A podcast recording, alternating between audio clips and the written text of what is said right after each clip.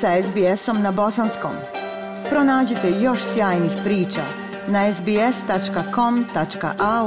kosacrta bosnijan.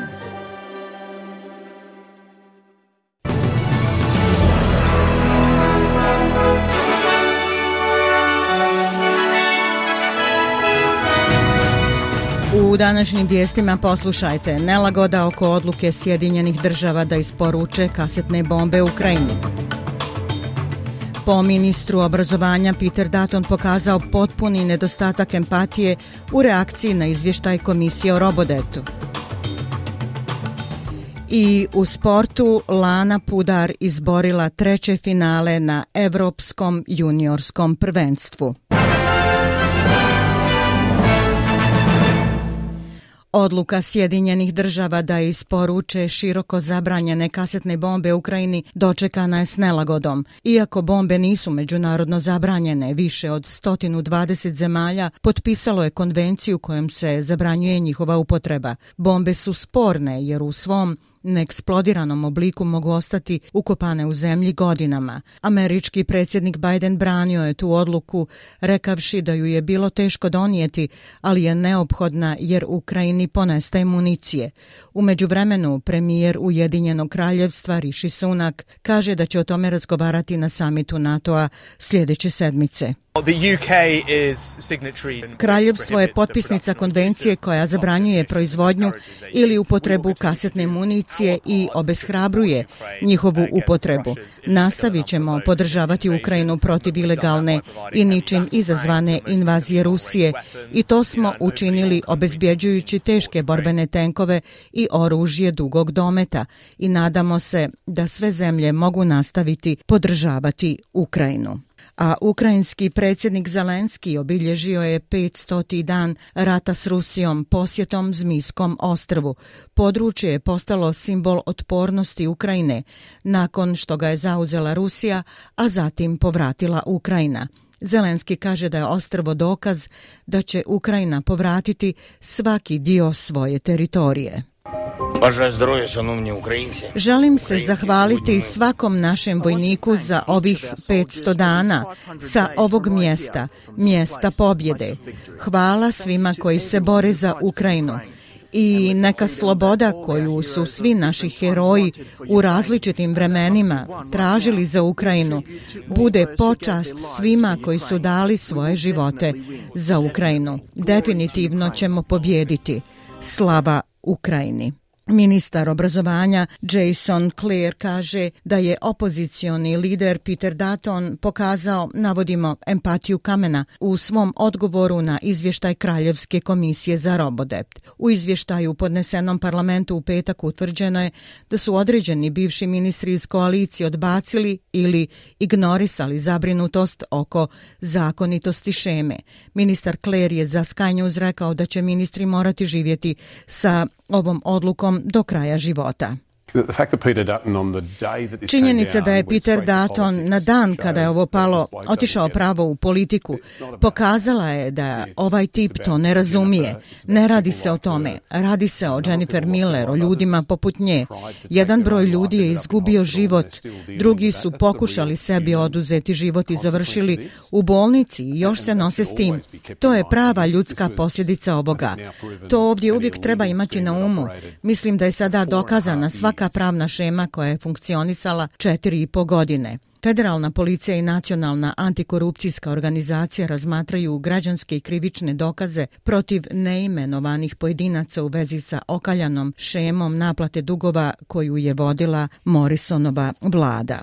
Ministrica za autohtono stanovništvo Australije, Linda Burney, kaže da bi glas starosjedilaca pri parlamentu bio dvosmjeran odnos i ključan za rješavanje dugotrajnih pitanja.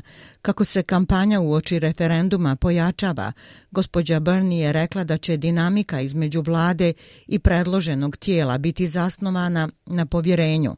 Ranije ove sedmice ona je najavila četiri prioritetne oblasti na koje će tražiti da se glas fokusira – zdravstvo, obrazovanje, stanovanje i posao. Za ABC je rekla da je odnos koji želi s glasom odnos poštovanja i slušanja novih ideja. Glas se odnosi na dvije stvari.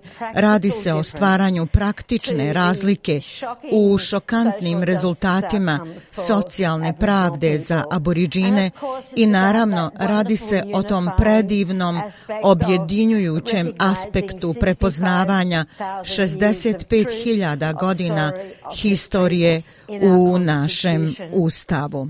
Premijer Albanizi kreće u Evropu na sastanak NATO saveza. Prvo će sletjeti u Berlin gdje će se sastati s njemačkim kancelarom Olafom Scholzom.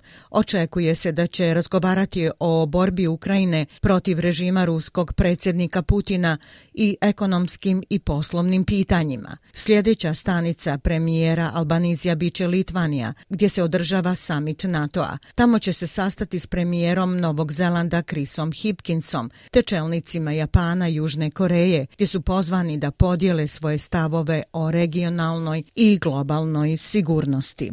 Najmanje 22 osobe su poginule, a desetine povrijeđeno u zračnom napadu sudanske vojske na zapadni Omdurman, saopštilo je državno ministarstvo zdravlja Kartum, dok je rat između vojnih frakcija u zemlji ušao u 12. sedmicu dok su paravojne snage za brzu podršku dominirale glavnim gradom Kartumom i njegovim bratskim gradovima Omdurmanom i Bahrijem. Nakon izbijanja borbi 15. aprila vojska je pokrenula zračne i artiljerijske napade. Podaci koje je objavio Međunarodni komitet Crvenog križa pokazuju da je 18 bolnica pogođeno bombardovanjem, dok je 21 bolnica zauzeta od strane oružanih snaga širom Kartuma, Omdurmana i Sjevernog Kartuma.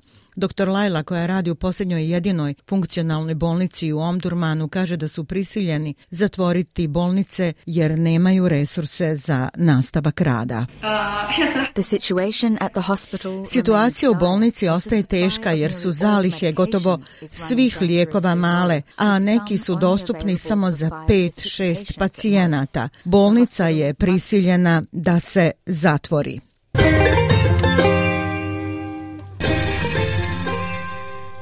Prema kursnoj listi, australski dolar danas vrijedi 0,67 američkog dolara, 0,61 eura, 0,52 britanske funte te 1,19 bosanske konvertibilne marke.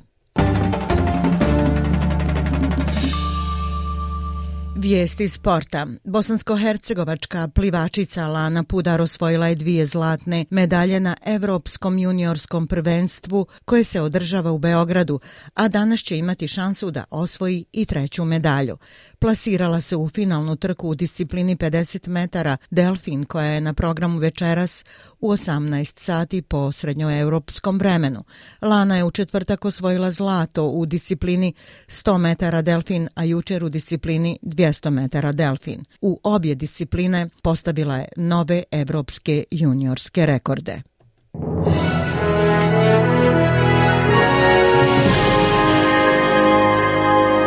I za kraj vijesti poslušajte temperaturne vrijednosti za veće gradove u Australiji. U Pertu pljuskovi 19, u Adelaidu također kišovito 16, u Melbourneu oblačno 16, u Hobartu 14, u Kamberi 11, u Sidneju sunčano 19, u Brisbaneu također sunčano 23 i u Darwinu toplo sunčano 33 stepena. Bile su ovo vijesti SBS-a na bosanskom jeziku. Ja sam Aisha Hadži Ahmetović. Ostanite i dalje s nama.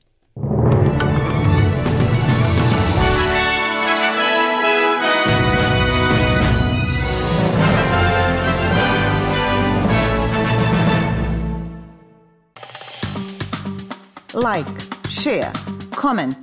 Pratite SBS Bosnian na Facebooku.